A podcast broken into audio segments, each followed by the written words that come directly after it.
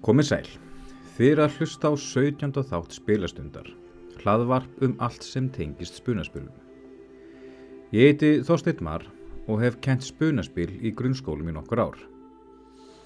Þannig hef ég bæði fengið tækifærl að sinna mínu helsta áhugamál í vinnunni sem og að gera það starfi mínu. Í dag ætla ég einmitt að fjalla um hvernig spunaspil geta nýst í starfi með börnum og úlingum. Á tímum þegar snjallvæðing samfélagsins er orðin alger og við stöndum frammi fyrir þeim vandamálum sem henni fylgja, til að mynda aukin félagsleg einangrun og minni félagsverðni, er mikilvægt að grunnskólinn eigi tæki og tól til að aðstóða og gefa nefndum færi á að ebla félagsverðni sína. Öll höfum við á einu með öðrum tímapunkti líf okkar leiki hlutverkarleik. Þar sem við ímyndum okkur að við værum einhver önnur persóna í öðrum aðstæðum og jafnvel öðrum heimi. Flest gerum við þetta þegar við erum enn í leikskóla eða á yngstasti í grunnskóla. Síðan, þegar við eldumst, þá fækkar sífælt þeim stundum þar sem við leifum ímyndunaraflinu að ráða og færa okkur í aðra innri heima. Rannsóknir hafa hins vegar sínt fram á mikilvægi þess að viðhalda þessari hefni. Það er ímyndunaraflinu og sköpnagliðinni. Um þetta hafa fjölmarki fræðimenn skrifað og hafa þessar rannsóknir leitt í ljós að hverskinn sköpun til að mynda skapandi skrif, tónlist og spuni eins og við þekkjum úr leikúsum draga úr líkum og hverskonar hörnun og heilastarsinni. Þið sama gildur um utanbókarlærdóm en margir hafa horn í síðuslíks lærdóms og því má líkum renna að hverskins örfun heilastarsiminnar hafi jákvæð og forverjandi áhrif gegn elliglöpum og sjúkdómum á borði Alzheimer. Þegar nefnundur eldast og komin á úlingastíg og í mentaskóla hafa margir þeirra aflært eða glemt að beita ímyndunaraflinu með sama hætti og þau gerðu sem börn. Þar spila inn ímsir óliki þættir og eflist eigum við kennarar einhverja sög á máli. En ekki er ætlunum að skoða það sérstaklega hér. Þetta hefur ekki bara áhrif á leikfærni og gleði þeirra, heldur dregur einni úr innri áhuga kvöld sem og forvitni, tvö atriði sem eru grundvöllur gaggrítnar hugsunar og náms. Það er því gott fyrir okkur kennara að huga vel að því hvernig við getum eld og styrt leik nefnda og gefið þeim rými til að láta hugan reyka. Það má einni geta þess að víða í fangelsum í bandaríkjunum er verið að spila spunaspil, jafnvel þó að það sé víða bannað. Og að viðtölum við þá fanga sem taka þátt í þeim má sjá að spunaspil hjálpa þeim ekki aðeins að losa um streitu og spennu, heldur gefið þeim færa á að tengjast öðrum föngum, sleppa í huganum úr því rými hvar þeim er haldið föngum og að aðstofa þá í að öðlast betri félagsferðni sem getur dreyjur líkum þess að þeir þurfa að fara aftur í fangelsi. Þó skal tekið fram að með þessari tilvísun er ég á engan hátt að bera grunnskólakerfi saman við fangelsi. Heldur einungis að benda á að spunaspil geta nýst á fjölbreyttan og mannbætandi máta, nokkuð sem ég hekka flesti spunaspilarar þekki af einn reynslu. Hlutverkuleikir hafa verið þekktir og notaðir sem kennsluaðferð síðan á miðri 20. stöld. Eflaust hafa slíki leikir verið notaðir enn lengur, enda börn ansi gjörn á að bregða sér í leikjaborðu lögg og bóvó þar sem þau taka sér ólík hlutverk og eru í ímynduðum aðstæðum. Til eru frásagnir af slíkum leikja barna og fólks allt frá landnámi en í Gunnlaugsögu Ormstungu er sagt frá því hvernig menn þóttust leika þá Gunnlaug og Hrafn þegar Gunnlaugur var í Noregi að leita Hrafs. Og um voruð eitt dag gekk Gunnlaugur úti og Þorkell frændi hans var með honum. Þeir gengu í brott frá bænum og á völlum fyrir þeim var mannringur og í ringnum innan voru tveir menn með vopnum og skilmdust. Var þar annar nefndur Hrafn en annar Gunnlaugur. Þeir mæltu er hjá stóðu að Íslendingar hyggi smátt og væri seinir til að muna orð sín. Gunnlaugur fann að hér fylgdi mikið háð og hér var mikið spott reyið að og gekk Gunnlaugur í brott þegjandi. Þá er þekkt að börn nota þessa leiki til að læra og æfa sig í ákveðnum aðstæðum. Þeir ídöndi þroska þeirra, óhlutbundna hugsun og þau verða meðvituð um þær félagslegu reglur sem ríkja í umhverju þeirra samkvæmt uppeldisfræðingnum Lev Vygotsky. Piaget taldi að vitsmunir og þróun leiks heldist í hendur á að hægt væri að sjá á hvaða þroskastígi barn væri út frá hvaða leiki það leki. Hlutverkaleikir eru ólíkir öðrun leikjum að því leiti að þáttakendur koma sér saman um hlutverk og ákveðin ramma eða sögusvið en hafa frelsi til að gera það sem þið vilja innan hlutverka sinna og ramma eða sögusviðsins. Þannig er ekki fyrirfram ákveð hvað personur eiga að segja eða gera en til þess ætlast að þáttakendur bregði ekki út af þeim viðmiðum sem rammin eða sögusviði setur þeim. Þannig gætt sá sem tók að leika Gunnlaug í dæminu hér að ofan haft frelsi til að leika hann eftir sínu höfði en án þess að hafa handrit en þó aldrei þannig að það drægi úr trúverðuleika hlutverksins. Til dæmis hann hefði síður geta ávarpa hrappn sem mömmu eða þóst geta flóið. Hlutverkarleikir hafa verið nýttir sem kennsluaðferð frá því á 5. áratug síðustu aldar. Eflust mátli sannsvega færa að aðferðin hafi ekki verið íkja mikið nótuð í grunnskólum hérlendis en þó er fjallað um hana í bókinni Litróf kennsluaðferðina eftir Yngvar Sigurgesson en þar segir Hlutverkarleikir byggjast á því að nefendur eru fengnil til að setja sér í spór fólks sem þarf að taka ákverðunum með eitthvað tiltekið vandamál sem það stendur framifyrir. Anna Jeppesen rannsakaði og fjallaði nokkuð um spuna og hlutverkarleiki. Hún skilgreindi hlutverkarleiki sem kennsluaðferð með eftirfarandi hætti. Hlutverkarleikur felur í sér að nefandi er beðin að setja sér í spór annara personu við einhverjar ákveðnar aðstæður og gera skoðanir hennar, viðhorf og hegðun að sínum. Nám nefnda er það fólkið í því að læra óhlutbundna hugsun, setja sér spór annara og öðlast hann í skilning á aðstæðum þeirra. Þá er mikilvægt að íta undir þetta nám með því að ræða reynslu nefnda og gefa þeim færi á að meta eigin verkefni. Anna heldur áfram. Mjög mikilvægt er að nefnendur ræðu um reynsluna. Það hefur sínt sig að þegar börn segja frá og meta eigin verkefni eða reynslu eru mestu líkunar á að þeir noti fjölsgrúðugt og gott mál. Barni verður þá að leita eftir orðum til að segja frá tilfinningum sínum og skoðunum. Hlutverkaleikir geta verið allt frá því að tvei nefnendur takja að sér ólík hlutverk og leiki þau í eins konar spuna yfir í að vera mun flóknari með fjölda hlutverka þar sem hver þáttangandi þarf að setja sér í spór að minnstakosti einnar personu. Almennt séð eru hlutverkuleikir ekki með stífti regluverk á borði kerfi spunaspila. Í grunninn eru þetta þó afar lík fyrirbæri og notkun spunaspila sem kennsluaðferðar mætti raukstiði með sömu raukum og hlutverkaleiki.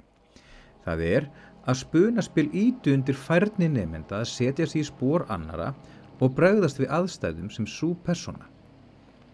Í spunaspilum gefst jafn fram tækifæri til að hjálpa nefndum að ná tökum á heimsbyggilegum og siðferðslegum álitamálum ásamt því að gefa þeim tækifæri til að kafa dýbra í námsefnið þess að þeir fá að upplifa það af eigin reynslu.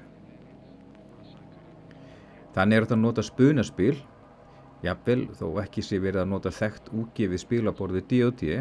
sem kennsluaðverð til að auðvelda nefnendum að skilja námsefni. Ármann Haldursson, kennar við Veltlandskóla Íslands, þróaði sínum tíma spilið Klappland til að auðvelda nefnendum að setja sér í spór stjórnmálamanna og þau erfiðu viðfangsefni sem þeir sem velja sér þann starfsvettvang þurfa að takast á við. Spunaspil og hlutverkuleikir eru þannig áhugaverð og skemmtileg leið til að nálgast umfjöllunarnefni úr annari átt og gefa nefnendum færi á að spreita sig í ólíkum aðstöðum. Þó er gott að hafa í huga að þessi tvö fyrirbæri, þó lík séu, eru ekki eitt og því sama. Þess vegna er orðið spunaspil, þýðing bræðrana Rúnas og Jóns, höfunda Asks Yggdrasils, á hugtækinu roleplaying game afar góð og leggja til að við Íslendingar höldum okkur við hana þegar við lýsum spilum sem hafa fastmótaðar og viðkenda reglur á borði Kall Cthulhu, drega á dýflissur eða öðrum álika spunaspilum. Þannig eru til að mynda hlutverkaleiki sem kennsluaðferð kallaði roleplay á ennsku, en spunaspil roleplaying games. Því getur verið rugglandi að nota sömu íslensku þýðinguna fyrir þessi tvö ólíku hugtök. Aðalnámskrá grunnskóla er lögð til grundvallar öllu starfi í grunnskólum og ber kennurum lögum samkvæmt að kenna eftir henni. Þegar teknir eru upp nýjar kennslu aðferðir eða nýtt námsefni þarf því að ganga úr skugga um að hvoru tveggja sér í takti við þar áherslur sem koma fram í aðalnámskrá. Það gildir einnig um spunaspil. Þannig þarf að skoða vandlega hvað þætti aðalnámskrár bæði út frá framsetningu hæfni viðmiða sem og ef skoðið eru markmið og hvaða tilgang mentamálaráðundið ætlar grunnskóla er hægt að tengja við spunaspil og aðkomi þeirra að kennslustofunni. Eins og komið var inn á hér áðan þá eru spunaspil til margs nýtileg og auðvelt að sjá margskonar aðkomi þeirra. Bæði er snýra félagstróska en einnig má nýta spunaspil til að leggja inn námsefni eða ebla og styrkja ákveðna færni. Hér verður því aðeins stikla á stóru og spunaspil sem fyrirbæri, fremur en umfyllunarefni þeirra og sögur sem sagður eru með þáttöku leikmanna, tengd við námsviðmið. Og hér verður aðeins stuðst við námsviðmið fyrir eldri bekki eða áttunda til tíunda bekk. Spunaspil ganga út á samvinnu og samskipti, en finna má mörg hefni viðmið er snúa þess áttal færni. Leikmenn þurfa að tjá fyrra ætlanir persóna sinna, eiga í samskiptin við aðra personur, taka þátt í úrlustverkefna og leita saminlegra lausna með meðspilunum sínum. Þá er einnig auðvelt að gera kröfur til nefnda um að þeir ígrundir aðgerðir persónu sinna og framvindi sögu með því til dæmis að halda dagbók fyrir hverja spilastund, en slíkt er algengt meðal spunaspilara. Þá er hægt að notast við námsviðmið er tengjast rítun. Rítun er einnig stór þáttur af því að búa til sögu fyrir spunaspil. Stjórnundu þurfa að skapa sögu, umhverfi hennar og auka personur. Ritun slíkra sagna eru margt ólík hefðbundinir sagnaritun þar sem aðgerðir aðalpersona eru líkt eða ekki þekktar. Þá eru lang flest spunaspil gefin út á ennsku og aðeins hægt að nálgast spunaspil á því tungumáli í helstu spunaspilaveslunum hérlendis. Fyrir vikið gefast mörg tækifæri til að vinna með ennsku í spunaspilakenslu þar sem þáttakandu þurfa jafnan að fletta upp í reglubókum eða leita upplýsinga á netinu. Þá er líka hægt að bjóða upp á spunaspil þar sem leikminn ræða sín á milli á ennsku eða öðrum tungumálum. Þannig mætti leggja þá skild á herðar þáttakenda að þegar þeir mæla sem persóna sín eða í karakter þá þurfið þeir að tala á ennsku eða dönsku þó að önnu samskipti fari fram á íslensku. Það hjálpar nefndum að æfa sig í mæltri ennsku eða dönsku en í aðstæðum innan spilsins. Þá ganga spunaspil út á að leikmenn setji sér í spór eða takja sér hlutverk personu sem er í öðrum aðstæðum, á öðrum tíma eða jafnvel í öðrum heimi. Þáttakendur eru þannig sífilt að takast á við vandamál og aðstæður þar sem þeir vinna úr tilfinningum, pælingum og samskiptum innan örugra markaspilsins en fá þannig tækifærlega þroska eigin hæfileika. Þá er eins og framkymmi hér ofan sniðut að kræfja leiknum að halda dagbók þar sem þeir ígrunda hegðun, framistöðu og samskipti sínar personu við aðrar personur. Allt eru þetta hæfni viðmið sem að tengjum á samfélagsgreinum. En margar spuninspilasögur og ævintýri fjalla einnig um samfélagsleg og síðferðisleg málefni, þar sem aðalpersonur þurfa að velta fyrir sér afleiðingum gjörða sinna, til dæmis ef aðalpersonur eru settar í hlutverk hróa hattar og þurfa að skoða hvort sé réttlæðarlegt að fremja glæpi til að hjálpa öðrum. Eins eru langflest kerfi spunaspila byggð upp á einhvers konar reikningsaðferðum þar sem teningaköst ákvarða útkomu aðgerða. Þáttaka í spunaspilum getur þannig auðvelda nefndum að skilja líkindarreikning, nota hugareikning og styrkir lausnamiðaða hugsun. Lóks eru auðvelt að fletta inn í hverskinn spunaspil ímsa útreikninga svo sem á fjallægðum og verkildi fjés ásamt því að láta þáttækundur fylgjast vandlega með neyslu persónu þeirra á vörum og nótkunn búnaðar. Í raun er auðvelt að flétta næstum hvaða námsviðmið inn í frásögu spunaspils. Þannig er þetta að láta leikminn ræða saman vísu þannig að hún sé rétt uppsett með hliðsjónu af ljóðstöfum og rými eða láta nefndur reikna út með hjálp píðagórusarreglunar lengd á milli tvekja punkta. Þið eina sem stendur í vegi kennara við að hagnýta námsviðmið í spunaspilakenslu er ímyndunarafli viðkomandi.